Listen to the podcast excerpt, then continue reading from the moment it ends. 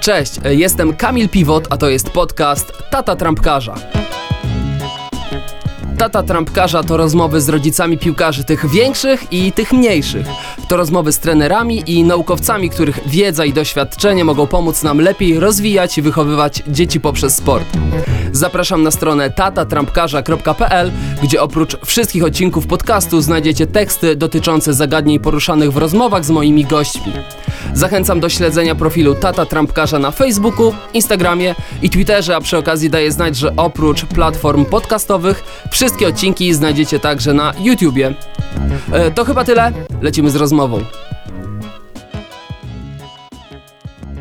Tata Trampkarza, odcinek czwarty. Dzisiaj moim gościem jest Przemysław Mamczak. Cześć. Cześć Kamil. E, Przemek, e, już Tata Trampkarza? E, no jeszcze nie, ale jak już to trampkarek, bo u mnie w domu dwie córeczki, trzyletnia Oliwia i półtora roczna Nikola, więc jeszcze chwilkę mają czasu, żeby zostać trampkar trampkarkami. Trampkarkami.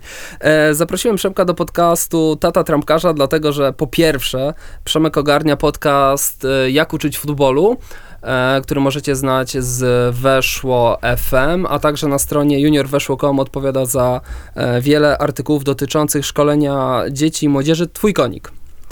E, no myślę, że tak, myślę, że tak, bo mm, generalnie szkoleniem zajmuję się już od wielu lat. E, sam też jestem licencjonowanym trenerem w trakcie kursu UFAA. E, no i praca zawodowa wiąże się z tym, chociaż jak uczyć futbolu, to nie e, podcast, który pojawił się weszło, tylko e, już prawie 3 lata temu rozpoczęliśmy go w ramach serwisu Ekstra Trener. Potem była Akademia Weszło Junior, tak? To miało dwie nazwy jednocześnie, jak to było? To były dwie równoległe audycje, tak, Mhm. tak. Po prostu z Pawłem Szymańskim, z którym stworzyliśmy Jak uczyć futbolu, mm, mieliśmy audycję co trzy tygodnie, czyli ten podcast, e, tak jak go sobie początkowo zakładaliśmy, był prowadzony e, również w Radiu Weszło FM, natomiast e, żeby co tydzień się o 16 w czwartek pojawiała audycja o szkoleniu, stworzyliśmy też Akademię Weszło Junior. Dziś e, Jak uczyć futbolu co tydzień w czwartki o 16, e, także jest sporo pracy. A jakich chłopaków prowadzisz? e, W, trenerem jesteś w jakiej kategorii? Czy... Aktualnie nie jestem trenerem Mhm. czynnym. No niestety nie byłbym w stanie tego pogodzić, jeżeli chciałbym uczciwie, mm, chciałbym uczciwie ten zespół prowadzić i e, nie zrywać się z treningów, nie opuszczać meczów, no to musiałbym e, coś innego odpuścić e, z racji tego, że tutaj co chwilę krążę między Warszawą a Wrocławiem. Tak jak powiedziałeś, z jakimiś tam reportażami jeździmy po całej Polsce, no to nie jest to fizycznie możliwe, żeby, żeby to pogodzić. W przeszłości pracowałem z młodzikami, z trampkarzami, No, chwilkę z orlikami, ale raczej, raczej szedłem w tę e, już, już w tą piłkę troszkę starszą. ale chyba teraz zbierasz tyle wiedzy, że jak w końcu wrócisz do piłki, no to będziesz mógł to wszystko wykorzystać i e, prze, przełożyć na życie. No Taki to jest plan? ciekawe pytanie. To jest ciekawe pytanie. Nie ma planu tutaj żadnego chyba. E, Czekamy na rozwój wypadków. E, Na tę chwilę jestem usatysfakcjonowany z tego, co robimy, bo dużo mamy też pomysłów poza weszło. Mm, Poza tym, że dziennikarsko się udzielam w e, tej niszy, która jest mi bardzo bliska, no to też wraz z Pawłem w ramach ekstra trenera. E, no kilka innych fajnych e, szkoleniowych projektów mamy w głowach. Część już ujrzało światło dzienne, e, jakieś tam współprace się nawiązały, natomiast co ciekawe, był taki, taki plan na początku, że mm, to jest tylko przejściowe, ale jest kilka aspektów, które teraz mi się pojawiły w głowie i które gdzieś tam, znaki zapytania, które przez ten już ponad rok pracy weszło, się pojawiły. No i na dzień dzisiejszy myślę, że warto się skupić na tym, co jest tu i teraz, a nie wybiegać mocno w przyszłość. Ale to nie jest tak, że ta im więcej wiesz, tym bardziej chcesz być od tego daleko i naoglądałeś się tych akademii, tych klubików i wolisz sobie odpuścić? Wiesz co, coś w tym jest, bo mm, może nie tyle akademii, bo są miejsca, w których dzieją się fajne rzeczy, natomiast y, mnie martwi troszkę to, o czym powiedziało mi wielu trenerów e, z takiego ścisłego topu, e, na zasadzie em, co trzeba zrobić e, w profesjonalnej piłce. Inaczej, mm, czy jesteś w stanie profesjonalną pracę trenera pogodzić z rodziną. Dla mnie rodzina jest dużą wartością, no i niestety jakieś 90% trenerów ekstraklasowych odpowiada mi, że niestety trzeba odpuścić i e, tak jak Robert Podoliński mówił o cyrografie e, z diabłem u nas w e, podcaście, no to coś w tym jest. Coś w tym jest, jest to specyficzna praca, mm, no i mało komu udaje się to faktycznie godnie połączyć. E, dlatego tutaj mam też dużo rozterek i, i przemyśleń w e, tym kontekście. E, no i chyba tyle. I to jest, to się trochę łączy z tym, co raz na jakiś czas pojawia się w, na Facebooku czy w innych social mediach, takim apel trenerów o tym, żeby rodzice, a ten podcast mój jest skierowany właśnie do rodziców, żeby inaczej trochę spojrzeli na pracę tych trenerów, którzy e, swój czas, który mogliby spędzać e, z rodziną, przeznaczają na to, żeby ich dzieci miały trochę fanu, żeby pograły trochę w piłkę, więc żeby mieć to zawsze z tyłu e, z tyłu głowy i jak rozumiem, że im bardziej się temu przyglądasz, tym bardziej widzisz, ile poświęcenia to, to wymaga. No na pewno dużo poświęcenia to wymaga, bo mm, praca trenera nie jest, nie jest taka jak większość prac, czyli od poniedziałku do piątku i weekend y, w domu z rodziną, y, gdzie możemy sobie nadrobić pewne rzeczy. W weekend często dzieje się dużo więcej, bo jak y, ktoś ma wyjazd jakiś, jakiś nawet na drugą stronę województwa, no to cały dzień ma wyjęty. E, I tak naprawdę tego czasu nie ma kiedy nadrobić. E, A jak mówimy o tym profesjonalnym poziomie, o już ekstraklasowych warunkach, no to tam dopiero e, wchodzą w grę jeszcze aspekty presji, nerwów i tak jak trener Marcin Brosz z kolei powiedział mi, mm, że tą niedzielę zawsze chce mieć wolną, no ale w praktyce nie do końca to wychodzi, no bo, bo jak jesteś świeżo po meczu, no głowa jest pełna, tak? Trudno się odciąć od tego tak totalnie i zapomnieć i rozluźnić się, wyjść, nie wiem, e, na spacer do kina, e, czy, czy, czy w jakieś inne miejsce z dziećmi, z żoną. No i E, myślę, że Ekstraklasa też nie zawsze będzie brała pod uwagę to, żeby Górnik Zabrze nie grał w niedzielę akurat, nie? No to jest już inny aspekt, tak. Słuchaj, dużo widziałeś, dużo jeździłeś, dużo jeździsz cały czas i postaram się wyciągnąć z ciebie jakąś wiedzę, którą być może nawet podświadomie zyskałeś, która może się przydać rodzicom małych piłkarzy. Debata na temat szkolenia w Polsce trwa. Jedni mówią, że jest dobrze, jedni mówią, że jest tak sobie, jedni mówią, że jest źle. Gdzie ty byś siebie po tym, co, po tym wszystkim, co widziałeś, e, tworząc e, materiały dla Weszło, gdzie byś siebie postawił w tej dyskusji? No to jest dobre pytanie. Ja nie jestem e, jakimś wielkim krytykiem tego wszystkiego, co się dzieje wokół, bo myślę, że dużo pozytywnych zmian e, się pojawia. Natomiast ogólnie, jeżeli spojrzymy na szkolenie e, w Polsce, no jeszcze mamy na pewno wiele miejsca do, do osiągnięcia jakiegoś progresu. Na pewno kwestie organizacyjne w wielu miejscach e, stoją na bardzo niskim poziomie no gdzie z boku wydawałoby się, że to wszystko powinno być już mocno poukładane. Znów, jeśli mówimy o akademiach ekstraklasowych, no to jest tylko kilka miejsc tak naprawdę, gdzie mm, wygląda to profesjonalnie. Mm, Z drugiej strony mnóstwo ciekawych e, ludzi, nie tylko z tych, którzy przyjeżdżają z zagranicy, tak jak w Zagłębiu Lubin mieliśmy zaciąg holenderski, e, tak jak Escola działa na metodologii Barcelony, no to myślę, że też e, przez ten ponad rok, czy nawet ponad dwa lata z Jak uczyć futbolu, spotkałem na swojej drodze ludzi, którzy udowodnili, że Polak też potrafi. Mnóstwo jest takich osób, które mm, mają trochę głębsze przemyślenia niż e, przeciętny kibic na temat piłki, na temat szkolenia, e, no i warto te osoby promować.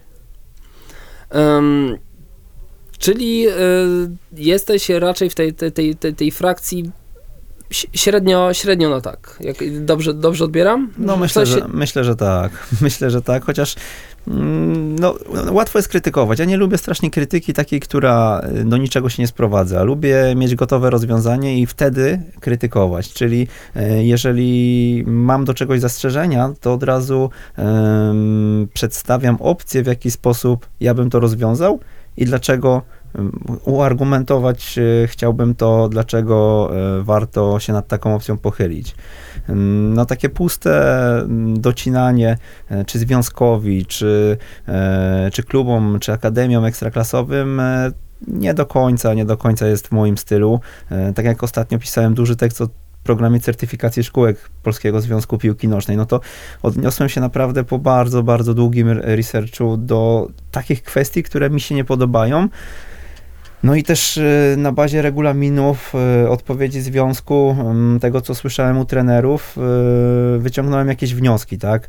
Chciałbym, żeby tak wyglądała dyskusja też o szkoleniu, a nie do końca takie przerzucanie się e, tym, czy jest dobrze, czy jest źle. Dobra, będę zgrywał w, e, na potrzeby tej dyskusji e, twojego kumpla, dawno niewidzianego, który ma syna, który spotyka cię na ulicy i mówi, słuchaj Przemek, ty się podobno zajmujesz tą piłką nożną, coś tam wiesz, słyszałem w jakimś radiu działasz, coś tam, coś tam, coś tam, mam do ciebie kilka pytań, bo ten mój młody coś tam kopie, jakoś mu wychodzi, e, jakbyś mógł mi powiedzieć, bo jest tutaj e, jakaś szkółka w okolicy, oni niby mają tę brązową gwiazdkę, a jest 10 km dalej szkółka, która ma srebrną gwiazdkę. Czy ty byś, Przemku, przywiązywał do tego e, wagę i kazałbyś mi się zastanowić, żeby wozić dalej, ewentualnie, jeżeli widzę, że mam szkółkę bez gwiazdki pod samym domem, ale widzę mojego dzieciaka szczęśliwego, to co byś mi doradził? Gdzie go wozić? Czy byś e, sugerował rodzicom branie pod uwagę tych gwiazdek?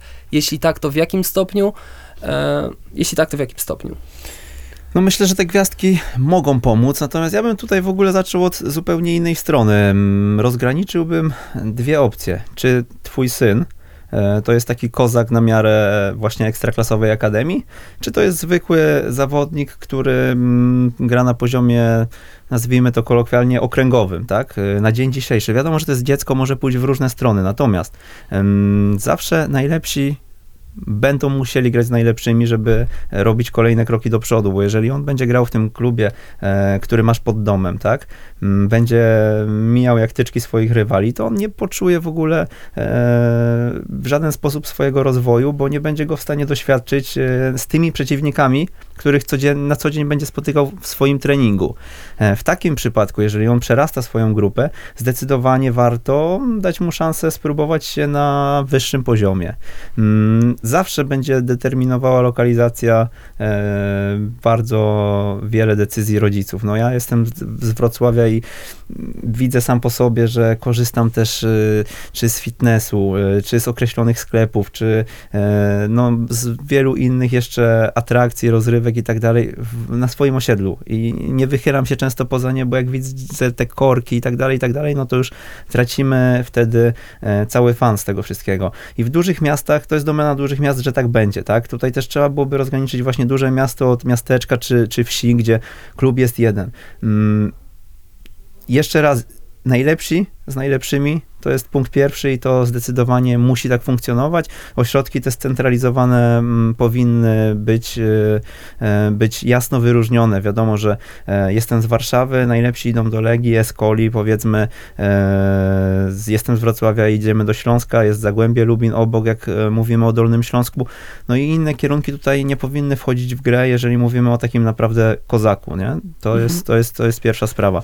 No Jeżeli, dobra, natomiast, jeżeli natomiast jest ta druga opcja, czyli 97% przynajmniej e, pozostałych zawodników, no to też bym e, nie do końca mm, na siłę tutaj robił, e, robił jakichś e, wyjazdów e, 25-30 kilometrowych, bo tam jest inna gwiazdka i tak dalej, i tak dalej. E, Przede wszystkim takie dziecko ma się nauczyć pewnych e, wartości, wyciągnąć je z boiska, nauczyć się ich od trenera, e, przygotować się do dalszego życia, bo piłka nożna to nie tylko sport, nie tylko aspekty czysto fizyczne, ale też dużo takich mentalnych kwestii, które wspomagają, mm, wspomagają nas później w, w, całym życiu. To jest pewność siebie, e, to jest e, poczucie wspólnoty, grupa, współpraca w tej grupie, także mnóstwo fantastycznych cech, które warto e, promować i propagować, ale przede wszystkim dziecko musi mieć z tego wszystkiego radość. Jeżeli tej radości nie będzie, jeżeli mm, to wszystko się będzie też opierać o jakieś dojazdy dodatkowe i e, w cudzysłowie rozwalenie e, całkowitego harmonogramu dnia tego dzieciaka, no to też e, możemy trochę przegiąć, po prostu przegiąć. Mm, Ja pamiętam ze swojego dzieciństwa, że ja się sporo nudziłem. Sporo się nudziłem, ale tak jak z perspektywy czasu sobie myślę, bardzo mnie to irytowało, ale jak dzisiaj sobie przeanalizuję, co z tego wynikało, e, że nie wiem, zorganizowałem olimpiadę i, e, i każdy z nas, jak Robert Korzeniowski, musiał przejść 5 kilometrów jakimś chodem, a obok jechał rower e, z moją siostrą, która obserwowała, czy nie odrywa stóp, nie? Gdzie robiliśmy tyczkę do skoków z wyż. Oczywiście to nie mógł być sznurek, żeby się nikt na nim nie zawiesił, tylko to musiało być tak skonstruowane, że delikatne dotknięcie ją strąci. No i, i, i z tej nudy się rodziły takie pomysły. E, czy stworzenie strony internetowej. Pamiętam, jak gdzieś tam miałem z 13 lat, przepisywałem wszystkich mistrzów e, oceanii e, z gospodarzami, z medalistami i tak dalej, żeby mieć to w tabeli, bo miałem swoją stronkę. Także, wiesz, to są śmieszne sytuacje, ale z tych nudów wynikała też pewna kreatywność i zostawiałbym dzieci w takiej kreatywności. Ja myślę, że to jest bardzo duży błąd y, rodziców często, że na siłę chcemy zapełnić ten grafik, e, ten harmonogram, nie zostawiając właśnie takiego bufora, e, który dziecku jest po prostu potrzebny. Jeżdżę od wielu lat na Kongres Psychologii Sportu, który też się e, na początku października właśnie odbywa w Warszawie, mm, jego dziesiąta edycja jubileuszowa i tam spotkałem się w ogóle z takimi ludźmi, którzy trenują, czy są rodzicami mm, gimnastyczek.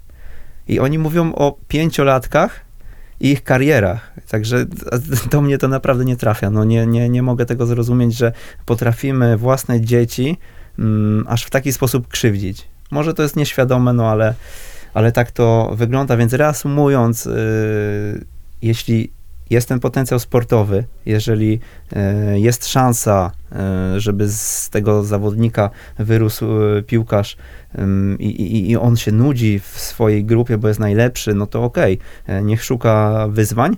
Natomiast jeżeli mm, to ma wyglądać tak, że e, on jest średniakiem, tam gdzieś wyżej będzie jeszcze, mm, jeszcze powiedzmy niżej w tej hierarchii, e, no to on straci zapał do sportu i w wieku 12 lat, jak mówią statystyki, najczęściej e, ten sport odpuści sobie.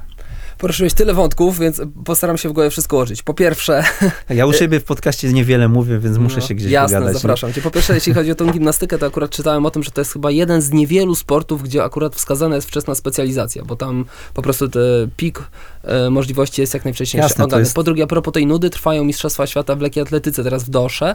E, wczoraj e, wracam do domu, chciałem sobie z synem pograć, zagrać meczek FIFA, zaglądam, co on robi w pokoju, a on takimi starymi figurkami piłkarzy, które gdzieś mu tam kiedyś na Eliksie kupiłem za jakieś grosze, organizował właśnie Mistrzostwa Świata w lekkiej atletyce. Oni właśnie skakali sobie o tycz, e, przez tyczkę, no i nie zagraliśmy, bo on chyba tam z godzinę. Ja tylko czekałem, dobra, kiedy on skończy, bo chciałem sobie z nim FIFA No widzisz, a zagrać. mógł być na francuskim, na E. francuskim, albo na e, dodatkowych zajęciach z mikroskopu, bo się też spotkałem z takimi Jejku, ja, ja, ja słyszałem o, zaj- o zajęciach psychologicznych dla siedmiolatków, żeby byli lepiej zmotywowani na boisku, ale a propos tego, co mówisz, e, jest taka pani, która prowadzi jakąś pani nazywa się, jest panią profesor, nazywa się Maria Mach, ona prowadzi e, fundusz dla dzieci zdolnych. Kiedyś w internecie dostępny był jej wykład, który niestety zniknął, ale wrzucę w linkach do tej audycji e, e-book, który przygotowała dla uczniów zdolnych i dla ich rodziców i tam jednym z ważnych punktów jest tak zwane zdrowe zaniedbanie.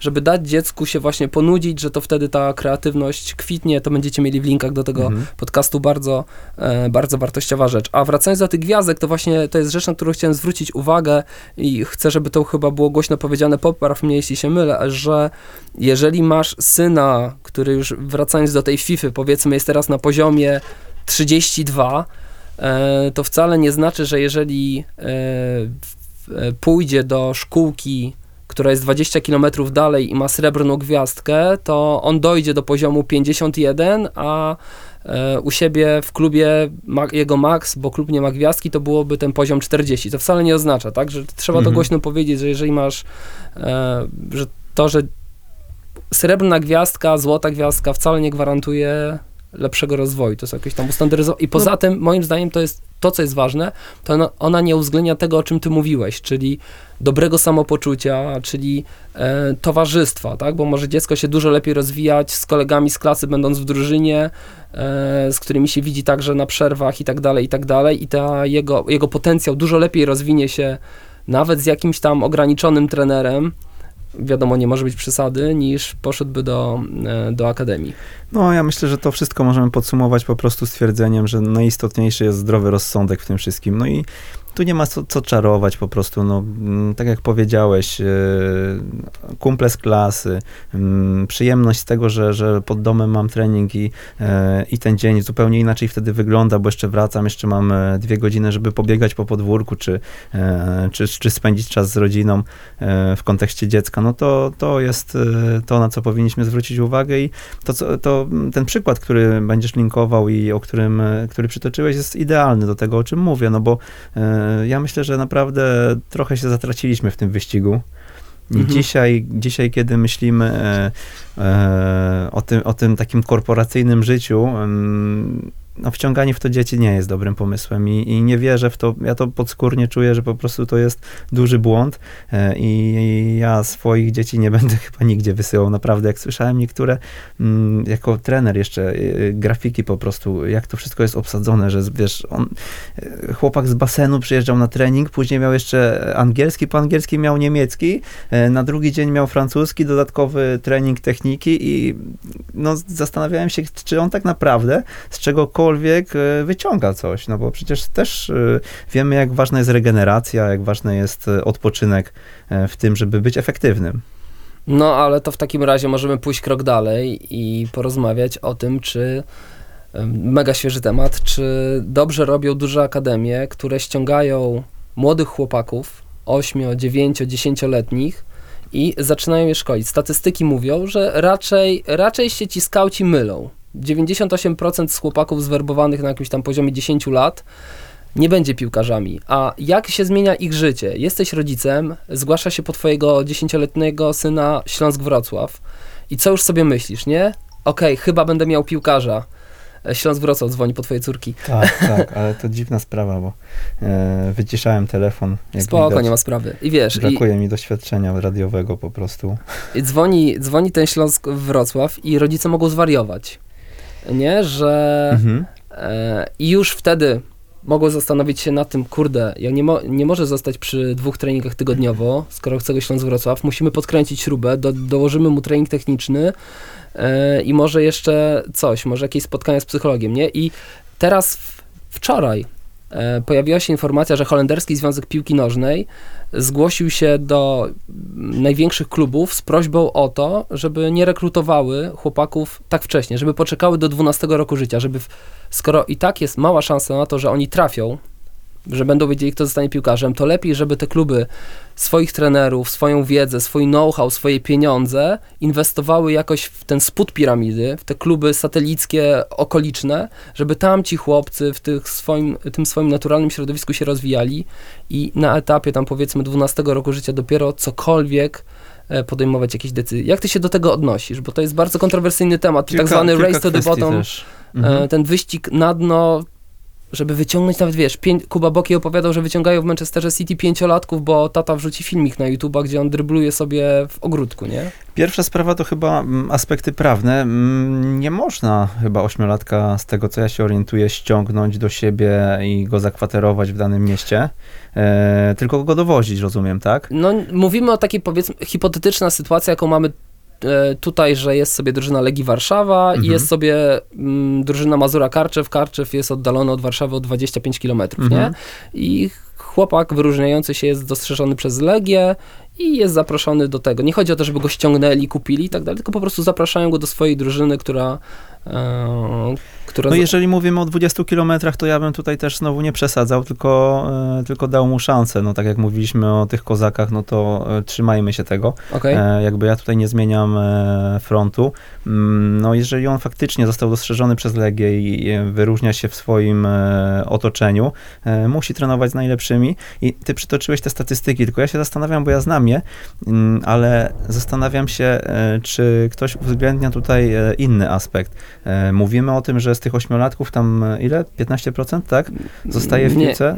Czy nawet mniej, tak? Nie. E, No okej, no ale to wiem, że tak kluby hiszpańskie też mają, Mhm. że dopiero od 12 roku życia mm, zaczynają te szkolenie właśnie ze względu na, na to, o czym powiedziałeś, ale jakbyśmy spojrzeli na to z perspektywy tych kilku procent zawodników, to oni, od, którzy od 8 roku życia do 18 e, przechodzą te wszystkie szczeble i zostają profesjonalistami, no to też pamiętajmy o tym, że oni jako ośmiolatkowie rywalizują w tym momencie z najlepszymi e, z całej Warszawy i okolic, tak? Czyli e, to jest też e, dla tych kilku procent bardzo istotne, żeby oni nie mieli niższego poziomu na treningach. No i też pytanie, na ile te treningi właśnie dla nich, na ile dla nich są one istotne, tak? No bo mm, kto wie, jak ich kariera z kolei potoczyłaby się, gdyby mieli gorsze tło, gorszych e, rywali na co dzień, tak? To jest, to jest pierwsza taka rzecz, która mi przyszła teraz do głowy.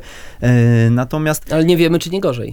no, ja zawsze będę wierzył w to, że zawsze będę wierzył w to, że środowisko i e, ci przeciwnicy e, na, na boisku będą e, odpowiadali za nasz rozwój, bo mm, to tak jak e, ta zasada pięciu osób, które nas otaczają, które mają największy wpływ na nasze życie, tak samo mm, no, piłkarz musi trenować ze swoim w swoim optymalnym otoczeniu po prostu. Nie może to być za słabe otoczenie, ani za dobre. Jeżeli jest za dobre, to szybko stracimy zapał i chęci do gry, bo po prostu będziemy odstawać i będziemy, nie będziemy w stanie dogonić e, e, kolegów.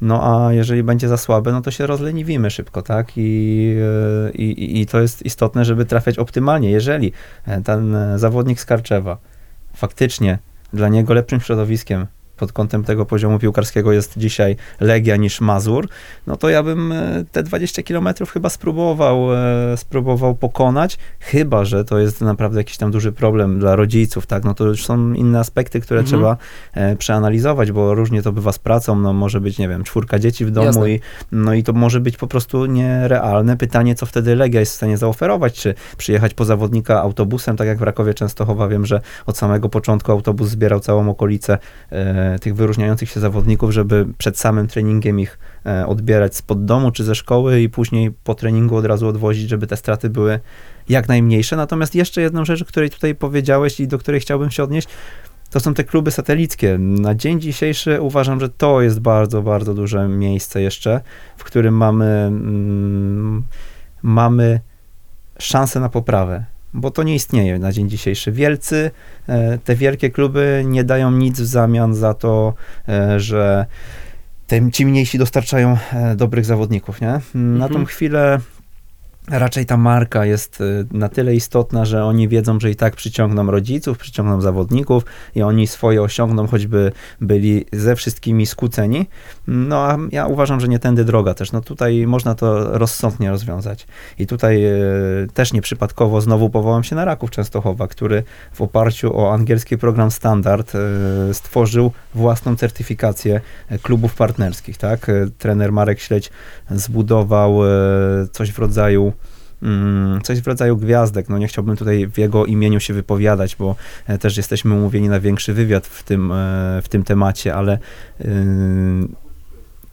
trzy stopnie e, można, można tych gwiazdek osiągnąć, z tego co wiem. E, I każda jest odpowiednio, mm, odpowiednio e, opłacana, tak? Jeżeli jesteś klubem, który spełnia kryteria na trzy gwiazdki, otrzymujesz tam chyba 20 tysięcy złotych w danym roku, ale oczywiście to nie jest łatwe, żeby te trzy gwiazdki zgarnąć, bo to trzeba dostarczyć jakąś tam liczbę wychowanków, trzeba spełniać kryteria w oparciu o program szkolenia i tak dalej, i tak dalej. I to jest bardzo mocno sprecyzowane z tego, co wiem. No i myślę, że fajnie byłoby, żeby za przykładem Rakowa poszły też inne polskie akademie.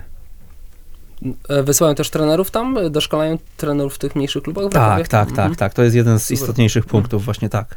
I e, jak wiemy, no ta metodyka pracy w Rakowie nie jest prosta, jest bardzo złożona. Ona się opiera o periodyzację taktyczną i ym, no, ten model gry tam ma chyba z 700 stron aktualnie, a, jest, a ciągle ewoluuje, jak podkreśla trener Śledź, więc, ym, więc myślę, że to jest też duża wartość. To know-how, które ym, cały dział metodologii w Rakowie mm, ma, po prostu udostępnia tym klubom lokalnym, tak? E, pewne rozwiązania organizacyjne, to wszystko mm, no jest, jest to jakaś darmowa opcja szkoleń, rozwijania tych właśnie szkół, szkółek, e, klubików okolicznych, a jednocześnie jeżeli ktoś e, realizuje staże, e, bierze udział w tych wszystkich szkoleniach i i odpowiada na wszystkie kryteria, no to jest opłacony e, z klubowej kasy. E, Oczywiście to wszystko jest, e, wszystko jest połączone. Dyrektor akademii mm, robi to we współpracy z właścicielem klubu.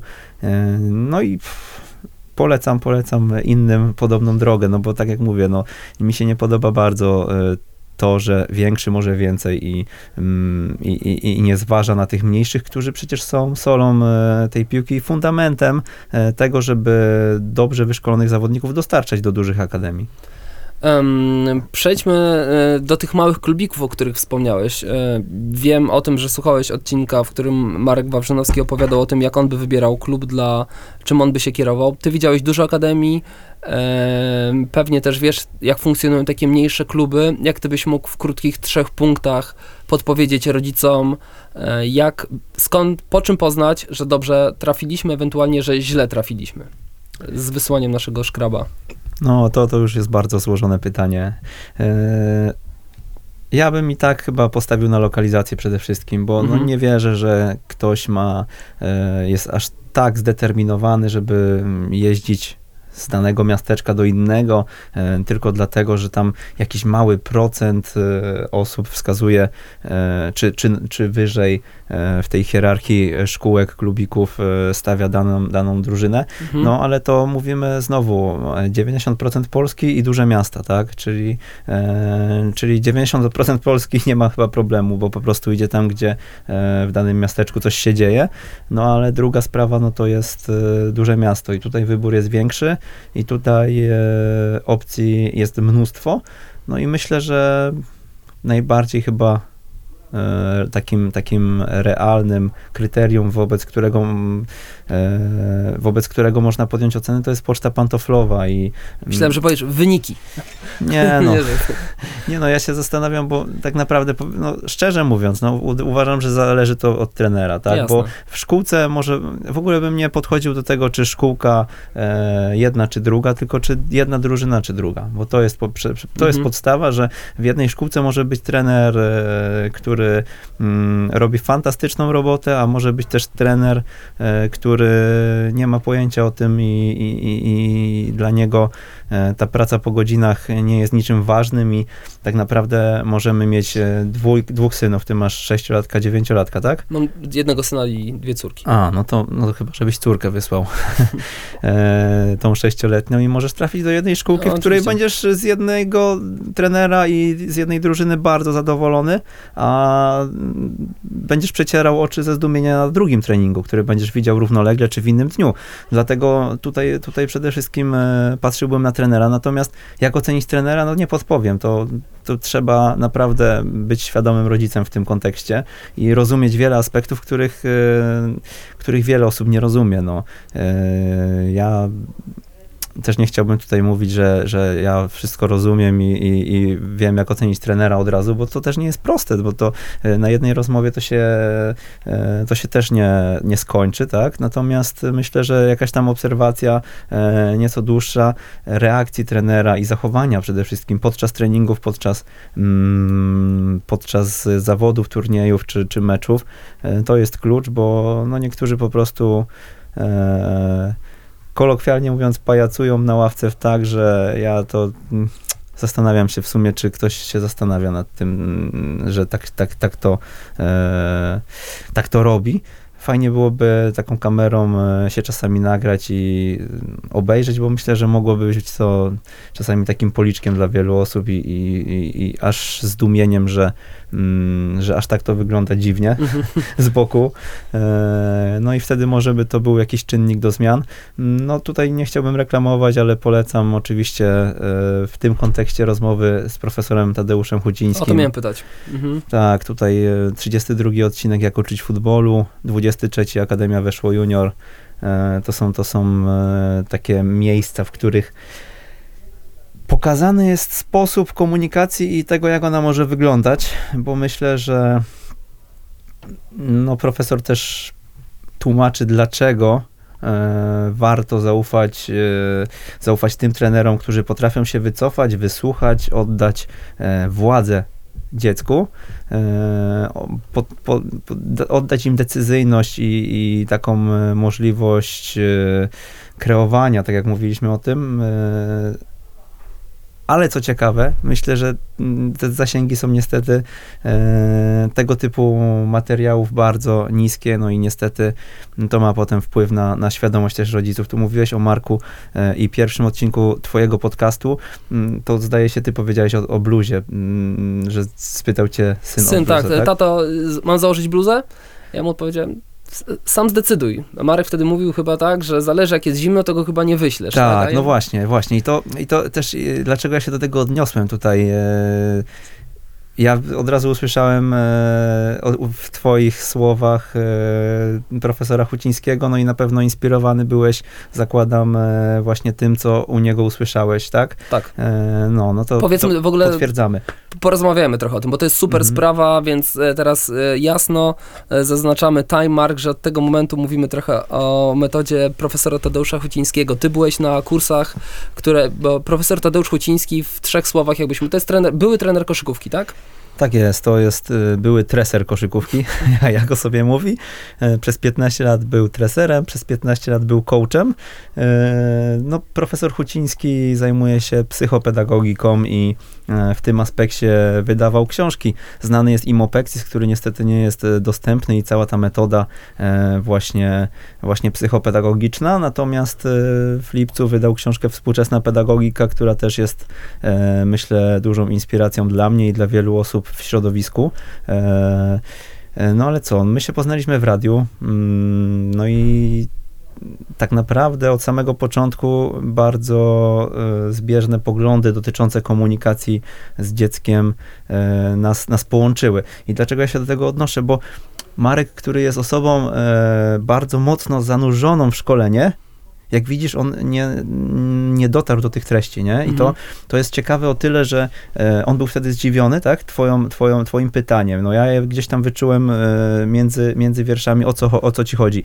E, no ale jak taki przeciętny rodzic, który jest zabiegany, wiesz, gdzieś ma na głowie jeszcze 100 innych tematów związanych z pracą, z ogarnięciem domu i dzieci, ma właśnie trafić na na jakieś szersze zrozumienie nawet tego, e, o czym profesor Huciński mówi. No, ja jestem fanem e, tej metody, bo uważam, że dziecko, nawet e, dziesięcioletnie, czy ośmioletnie, czy dziewięcio, e, może być dla nas równorzędnym partnerem do dyskusji. Nie stawiałbym tutaj e, takiej ścisłej hierarchii, że ja jestem zawsze wyżej, ja decyduję o wszystkim, ja jestem szefem, bo tak jak te badania NASA, które przytaczamy często w związku ze współczesną pedagogiką, e, dzie- 98% dzieci rodzi się jako geniusze, tak? E, W wieku mm, 10 lat już chyba zostaje 30%, e, czy, czy w wieku 15 lat chyba 30%, tak? W wieku 20 lat e, 2%, e, 2% geniuszu e, w kontekście tej kreatywności pozostaje, więc no jeżeli my jesteśmy w tych 2%, to, to jakim prawem to dziecko, nawet pięcioletnie, e, blokujemy? Mhm. w, w tych swoich reakcjach, ale też trzeba zaznaczyć, że ta metoda profesora Hucińskiego jest strasznie, strasznie ciężka w codziennym wydaniu, no bo wymaga bardzo dużej kontroli emocji, bardzo dużej cierpliwości, wytrwałości, zrozumienia, no i mm, no ja chociaż chcę, to często też e, nie jestem w stanie e, swoich ciemnych stron tutaj zablokować i nie zawsze e, pytam, pytam, co ty byś z tym zrobił, e, tak jak ty tutaj wcześniej powiedziałeś. No, wi- wiadomo, to jest trudne, nie? Kiedy ma się dzieci, dla tych, którzy nie wiedzą, większość z was pewnie nie wie, o co chodzi w tej metodzie, jakiś tam przykład, nie wiem, jak trener widzi, że dwóch kolegów się bije z drużyny, to trener Huciński, e, profesor Huciński mówi, nie reaguj, zostaw ich, sami to rozwiążą. E, Trudno sobie wyobrazić takie sytuacje w domu, no nie? No, to znaczy, ja też bym nie chciał za wielu tutaj przykładów eksponować, bo e, po powiedzeniu takich dwóch zdań właśnie nie do końca ktoś może powiedzieć, no nie, no co to, co to za człowiek i co to za pomysł w ogóle, Mhm. nie? E, Myślę, że trzeba w to głębiej wejść, żeby to zrozumieć. E, chodzi o to, żebyśmy Tam jest dali... też trochę z Montessori, tak? E, Tak, te- te tak, rzeczy. tak. Mhm. Tu trzeba, trzeba jasno powiedzieć, że kluczem jest e, totalne oddanie decyzyjności dziecku i możliwości przeżywania pewnych, e, pewnych emocji, pewnych doznań z, danego dnia, tak? Żebyśmy nie zabijali w nim e, tej, tego poczucia zarówno e, zwycięstwa, tak? Zarówno tego, co było dobre, jak i z drugiej strony, żebyśmy dali mu przetrawić to, co, co, co było złe. Mm, Ja tutaj często się e, profesor Huciński odnosi do tego, że my często wyrywamy dziecko z jakiegoś geniuszu, tak? Z takiego momentu, kiedy ono jest zagłębione, gdzie kreatywnie mm, wchodzi, przepraszam, e, wchodzi głęboko w jakiś proces i my go z tego myślenia wyciągamy. Jakim prawem my to robimy, tak? Jeżeli ono przeżywa coś na swój sposób, e, bo bawi się, nie wiem, klockami i w tym momencie my akurat mówimy, dobra, chodź już, e, zostaw te klocki, bo teraz e, pójdziemy, nie wiem, do drugiego pokoju. Zostaw te piłkarzyki, innym, pogramy nie? FIFA. O, no na tej zasadzie, nie? I teraz to, to, jest, to, jest, to jest duży błąd, tak? To jest duży błąd. Tak samo w kontekście treningu tu jest dobre, dobre przełożenie na trening piłkarski, czyli trener ma rozpisany trening i ma, ma nie wiem, 15 minut y, gry e, w przewadze 4 na 2 i on z zegarkiem w ręku ten, e, tę grę przerywa, tak? Nie bacząc w ogóle na to, co się dzieje na boisku. Nie, mo, możliwe, że tam się dzieją cuda i my powinniśmy jako trenerzy to widzieć i troszkę wydłużyć teraz to ćwiczenie kosztem, nie wiem, końcowego e, grania e, gry dowolnej czy, czy, czy, czy jakiegoś innego ćwiczenia, właśnie dlatego, że tam się dzieją cuda. E, no i dostrzec to nie jest łatwo na pewno, ale, ale jest to ciekawe. Ja ze swojego e, taką sytuację, nie wiem, czy to będzie też obrazowało w jakiś sposób, ale pamiętam te moje córki mm, latem. E, Była taka sytuacja, ja wróciłem z Polish e, Basketball Clinic, czyli miałem świeżo, e, świeże spojrzenie na całą... To są obozy organizowane przez profesora Chodzińskiego, tak, tak? jest, tak jest. Pokazuje w praktyce, jak działa ta metoda. tak jest i mocno byłem w to wkręcony po całym tygodniu prania mózgu, mówiąc żartobliwie. I moja córka, jedna z drugą, inaczej, ta starsza, tak, Oliwia, zaczęła zrywać trawę z e, ogrodu i wnosić ją do mieszkania. No oczywiście wsypując do mieszkania. Pierwsze co, y, widząc to, oczywiście chciałem powiedzieć, no co ty robisz i e, zostaw tą trawę, ale zatrzymałem się, to byłem tak jeszcze na świeżo, wiesz, e, zatrzymałem się i zacząłem obserwować całą sytuację. Ta młodsza, patrząc na, e, na to, co się dzieje, zrobiła to samo. Pobiegła na trawnik, zaczęła zrywać. I przyniosły, nie wiem, po 10 minutach uzbierała się cała kubka tej trawy, ale faktycznie było widać e, w oczach dzieci, było naprawdę widać taki błysk, nie? Coś, co one robiły coś swojego. I teraz ja z jednej strony mam bałagan, tak? No ale z drugiej strony, jak sobie pomyślę, no to przecież sprzątałem to przez 15 sekund, wziąłem miotełkę, e, nic nie mówiąc, podszedłem z tą miotełką i zacząłem em, zacząłem zmiatać, tak? Nikola stanęła, spojrzała na mnie, a Oliwia starsza spojrzała i, i sama e, ja nic nie mówiłem, a ona sama wypaliła oj, tatuś, e, sprzątasz, bo nabrudziłyśmy, a ja sprzątając już nawet nie pamiętam, co odpowiedziałem, chociaż powinienem pewnie powiedzieć, e, a jak uważasz? E, no i w, w, wyrzuciłem po prostu tą trawę.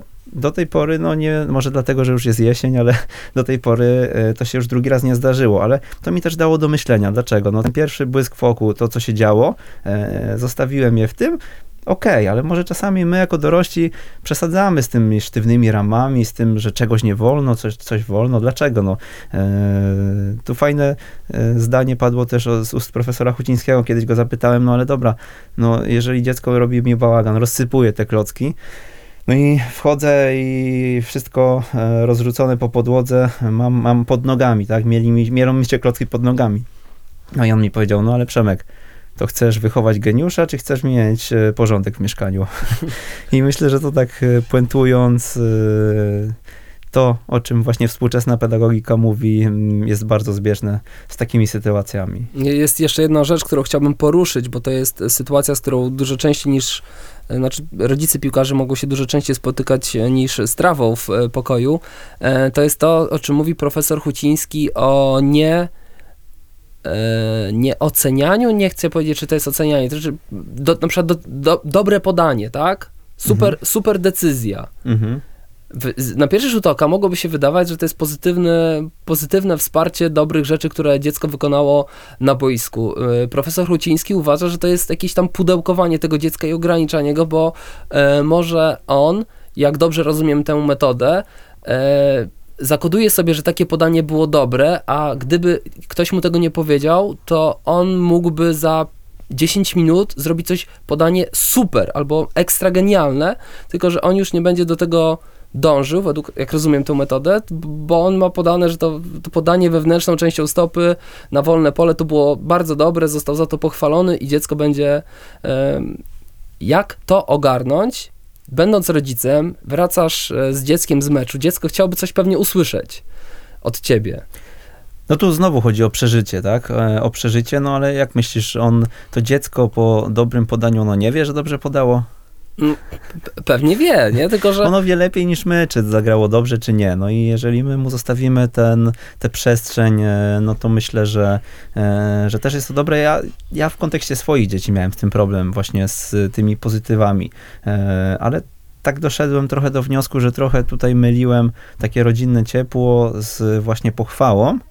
E, No ale ja w ogóle myślę, że tutaj e, do podcastu musisz zaprosić profesora Hucińskiego, bo ja też nie chcę być tutaj, wiesz, ambasadorem e, Znaczy myślałem, że ty mi to w pigułce sprzedasz, bo nie mam czterech Tu nie godzin mo- na rozmowę z tym. Nie, no tutaj nie ma, nie ma drogi na skróty. Warto usiąść na 4 godziny nawet i Mhm. porozmawiać, myślę, bo mm, dużo aspektów e, jest takich, które, które gdzieś wydają się kontrowersyjne, ale dużo jest takich, że wiemy, że tak powinno być, ale czasami nie potrafimy tego zrobić, no bo czasami nasze reakcje są gwałtowne, tak? Jeżeli my ym, podbiegniemy, damy się ponieść emocjom i nie wiem, e, dziecko nam rozlewa coś e, po pokoju, my szarpniemy je, e, odciągniemy, żeby nie, nie, tego nie robiło i tak dalej, no to zazwyczaj nie jesteśmy z siebie dumni, tak? Ale oczywiście po chwili takiego, mm, takiego, takiej zadumy nad tą sytuacją, natomiast abstrahując już od takiego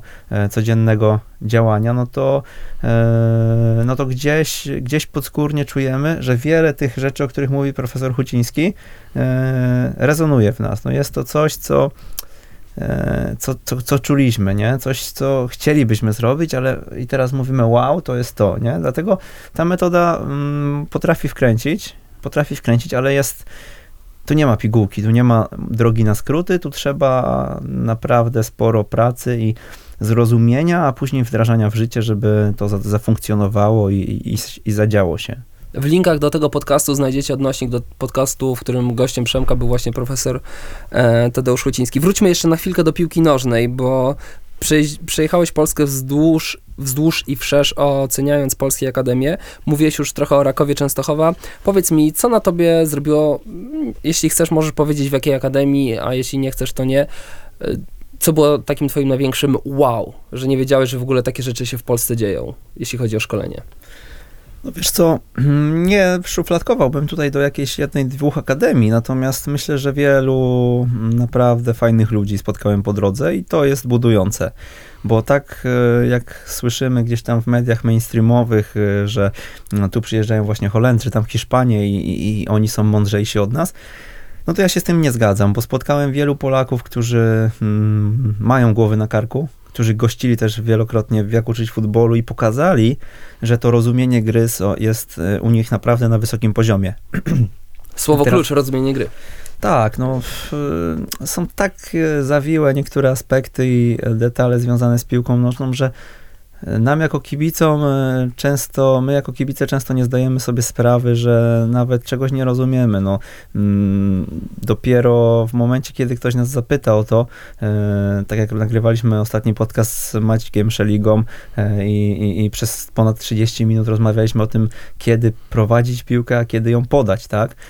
No to to nie jest coś inaczej, jest tak wiele zmiennych, że trener, żeby to wszystko zrozumieć, pojąć, musi naprawdę przepracować i, e, i, i, i przeanalizować wiele, e, wiele czasu, wiele sytuacji, żeby, żeby naprawdę móc powiedzieć, że on to rozumie, ma jakąś swoją wizję, e, wie o tym, więc ludzie, zarówno począwszy od tych e, kilku dyrektorów, którzy organizacyjnie widać, że, e, że funkcjonowali dobrze, e, poprzez ludzi w ich sztabach, działy metodologiczne, tak, działy szkoleniowe, poprzez ludzi, których spotkaliśmy też jako współpracujących z akademiami, to jest duży plus.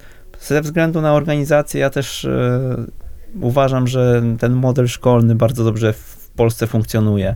I Wytłumacz model szkolny? klasy sportowe po prostu, Mhm. tak? Czy klasy, mm, czy nawet e, jednostki, e, gdzie klub jest organem prowadzącym szkołę, e, czy, czy szkoły mistrzostwa sportowego, no to tutaj naprawdę w Polsce w większości chyba akademii ekstraklasowych i pierwszoligowych nawet, to wszystko jest połączone i, i powiązane, tak? To jest budujące, bo znów zawodnik zaczyna od e, treningu, Następnie często jest jeszcze jakieś śniadanie po drodze, czyli, czyli wszystko jest tak naprawdę poukładane, jak powinno zostać poukładane. Później przenosi się na lekcję i o 15.30 na przykład może wrócić do domu, nie? Ma tą przestrzeń dla siebie, czas na to, żeby się wyspać, żeby odrobić zadania domowe i tak dalej. Czy mówimy o bursach, czy mówimy już o, o, o domach rodzinnych, to jest inna sprawa, ale w wielu miejscach tak to funkcjonuje. Ja myślę, że to jest też jedyna droga, bo e, jeśli ktoś ma pięć treningów e, w tygodniu i wiąże to ze szkołą i e, pomiędzy szkołą a treningiem ma tam jakieś okienko, e, w którym szybko musi coś zjeść, przejechać na drugi koniec miasta, no to niestety będzie to zawsze trudne, e, a patrząc na to, że jest to powiązane, no to mm, bardzo upraszcza życie po prostu temu chłopakowi, nie? No, z, z drugiej strony też nie wiadomo, wiesz, jak, tak, jak takie działania hartują jednak, bo to jest rzecz niepoliczalna, nie? Jak w przyszłej i trudne do oceny, jak dla kariery przyszłego piłkarza. Mówi się o tych braciach Mack, którzy dojeżdżali Mhm. jakimiś tam rozklekotanymi autobusami na treningi do, do, Wisły, e, do Wisły Kraków. Jak, jakie to miało znaczenie dla ich Nie, no rozwoju? pewnie, no pewnie, możemy tak, ale to myślę, że każdy aspekt można byłoby Czyli nie dwojako- drony, tylko ludzie cię najbardziej podbudowały. Tak, tak. I też, wiesz, taka rozpoznawalność nawet mnie w kontekście podcastu Jak uczyć futbolu też była bardzo fajna. I to nie dlatego, że, e, że prowadzę ten, ten podcast, ale to pokazywało też, na wielu korytarzach w tych akademiach spotykałem ludzi, którzy przybijali piątkę i e, gratulowali audycji, nie? Czyli to też pokazało, że ktoś tego słucha i faktycznie jest e, zapotrzebowanie na wiedzę, nie? Na to, żeby żeby rozszerzać ten swój trenerski warsztat, a to nie jest też proste, bo e, półtorej godziny raz w tygodniu wygospodarować e, w dzisiejszych czasach nie jest łatwo. No wiadomo, można powiedzieć, wszystko zależy od organizacji, od priorytetów. E, można podczas biegania sobie podcast w uchu puścić, można mm, podczas dojazdów, e, czy komunikacją, czy samochodem e, to zrobić, no ale, no ale jest to jakiś, jakiś zawsze mm, dyskomfort często, czy, czy, czy próba dla danej osoby. No i fajnie, że takich ambitnych ludzi spotykałem praktycznie na w każdym miejscu, gdzie, gdzie się udawałem, bo na takich ludziach myślę, że możemy coś zbudować. Ja mam nadzieję, że my nie mówiliśmy za szybko, bo nie wiem jak ty, ale ja lubię słuchać podcastów na podwójnej prędkości, dzięki czemu nie zajmują mi na przykład półtorej godziny, tylko 45 minut, a wszystko da się. No, ja zrozumieć. to, moja żona to mówi, że już jestem w ogóle odjechany w tych kwestiach, bo niektóre to po 2,7. Tak, aż tak E, potrafisz słuchać, tak? No, Michał Szafrański na przykład ma taką jakość, że Aha. myślę, że tam nawet pod 3.0 można, można dojechać i spokojnie e, treści mm, przyswajać. No ja nawet, e, no ja większość, średnio około 2.0 słucham podcastów, tak, no bo aż e, im dalej w to szedłem, tym, tym bardziej mnie to już irytowało, e, te przestoje, ten, ten spokój, musi być szybko, szybko, szybko, nie? No oczywiście wiadomo, część odcinków jest takich, że trzeba przemyśleć, przeanalizować i wtedy, e, wtedy to też inaczej wygląda, ale generalnie przy takiej ilości treści, jakie się pojawiają w internecie, no słuchać wszystkiego na 1.0 to jest strata życia. To jeszcze poleć, ze trzy podcasty wrzucimy do linków, żeby ci, którzy może zaczynają swoją przygodę z podcastami, e, mieli coś fajnego. Takie w tematyce właśnie sport, e, rodzice, dzieci, jeżeli cokolwiek ci przychodzi, jakkolwiek zbliżony do tego, albo co mogłoby się przydać rodzicom. O, no to, to rzuciłeś Ciężkie Chyba, że nie, to po prostu powiesz- Wiesz Co, ja nie, myślę, że nie ma podcastów e, zbytnio sportowo-piłkarskich tutaj, jeżeli mówimy o języku polskim. Mhm. E, No tak. Ja polecam też inne branże, bo tak jak mówiliśmy tutaj o finansowym podcaście Michała Szafrańskiego, no to to jest... e, To jest pełen szacunek dla niego. On e, przed laty zrobił naprawdę fenomenalną robotę dla podcastów. E, Miałem okazję w zeszłym tygodniu poznać osobiście też Marka Jankowskiego z małej wielkiej firmy i e, no, tam też jest mnóstwo treści, które można przenieść e, na, na każdy grunt, bo te, od, począwszy od komunikacji przez liderowanie e, i inne biznesowe aspekty, ale też w dzisiejszym świecie, gdzie taki, taki multitasking funkcjonuje wszędzie, warto szukać w innych branżach. Ja lubię podcast Lepiej Teraz. To jest podcast Radka Budnickiego. Euh, No, myślę, że e, dla kreatywnych ludzi z pasją. On tak Okej. chyba to zapowiada, więc myślę, że to jest e, do wysłuchania dla osób, które chciałyby tego zrobić, E, ale mnóstwo jest aktualnie podcastów, to się bardzo rozwija. Teraz występowałem też na Międzynarodowym Dniu Podcastów i tam, tam aż jestem w szoku, jaka to tematyka zaczęła wchodzić i myślę, że to się mocno rozwija. W Polsce, no w Ameryce jest to bardzo popularne, to akurat Tima Ferisa mogę polecić, tam chyba już ze 400 odcinków on ma, e, tak jak, jak i wszystkie jego książki, tak myślę, że e, rozmowy z inspirującymi ludźmi, mm, nie wiem, z twórcami WordPressa, e, Mhm. no nie chciałbym tam tych firm wszystkich amerykańskich wymieniać, nie, ale to jest na pewno, na pewno bardzo, bardzo dobra wiedza, którą można nawet przenosić na swój własny grunt. Narzędzia Tytanów to jest taka książka właśnie Tima Ferisa, w której on zebrał na 700 stronach tako, takie pigułki z każdego podcastu. E, Okej. I to, to jest fenomenalne w ogóle, bo mm, chyba moja ulubiona książka. Tam w każdym e, rozdziale jest mnóstwo mięsa. E, codzienność, zwykłe funkcjonowanie tych ludzi, którzy są wzorem w swoich dziedzinach do naśladowania, tych wizjonerów, e, tych wszystkich e, największych autorów, e, czy to mm, czy książek, czy, czy pisarzy, no, no mnóstwo postaci takich z pierwszych stron gazet, Arnold Schwarzenegger, Paulo Coelho, no mnóstwo świetnych ludzi. Oni u niego gościli, ale esencja jest właśnie w narzędzi, narzędziach Tytanów. To polecam tę książkę, jeśli możemy dorzucić. Pewnie. Bardzo Ci, Przemek, dziękuję. Oczywiście zapraszamy do, do słuchania podcastu Jak uczyć futbolu. Wszystkie linki znajdziecie tutaj. Do Taty Trampkarza nie zachęcamy, bo jeżeli tutaj jakimś cudem dotrwaliście, to wiecie, że słuchacie Taty Trampkarza, ale zapraszam na kolejne e, odcinki. Czego Ci, Przemek, życzyć? E, Jakie teraz masz e, duże projekty, które realizujesz, a które mogą być interesujące dla słuchaczy Taty Trampkarza? No wiesz co, robimy, organizujemy 11 stycznia we Wrocławiu Kongres Wiedzy o Szkoleniu Piłkarskim. E, Dla rodziców jak najbardziej, bo mm, no dla trenerów również, natomiast dla rodziców również e, może być to zachęcające, bo tytułem jest Komunikacja XXI wieku, e, czyli zarówno profesor Huciński, Tomek Wilczewski będą o tym mówić, jak i będzie też wspominany w audycji Marek Śledź, będzie Mateusz Ludwiczak i oni pokażą właśnie w jaki sposób komunikować się, e, coachować e, zawodników z perspektywy trenera, no ale też e, rodzice mogą zobaczyć wiele wartościowych, mm, tutaj wiele wartościowych punktów, o które może mogą się zaczepić właśnie w kontekście wyboru szkółki, tak? No bo wtedy łatwiej nam będzie mm, będzie obserwować tego trenera i jego zachowanie i odnieść to właśnie do jakiegoś tam wzorca. Dużo projektów e, w głowie, więc będziemy powolutku informować. E, Myślę, że takich szkoleniowych kwestii jest e, sporo, które chcemy rozwijać. Chcemy pokazać tym ludziom, którzy mają dużą wiedzę o szkoleniu, chcemy dać miejsce do mm, poszerzania tej wiedzy. No i we współpracy z nimi właśnie stworzyć coś, co pomoże całemu środowisku. Jeszcze raz, y, można Cię znaleźć jako ekstra trener na Facebooku, tak? I no, wszędzie. ekstratrener.pl to jest nasza strona. Ja jestem też na Twitterze pmamczak, więc można e, napisać, skontaktować się, zasugerować jakiś pomysł albo ochrzanić mnie za coś, co tutaj dzisiaj powiedziałem. Dobra, dziękuję Ci bardzo za wizytę. To był czwarty odcinek podcastu Tata Trampkarza. Moim gościem był Przemysław Mamczak. Dzięki. Ja również dziękuję i życzę powodzenia z rozkręcaniem podcastu, bo ta scena jeszcze jest też do e, mocnego, mocnego rozkręcenia, więc Dzięki za zaproszenie i do usłyszenia. Cześć.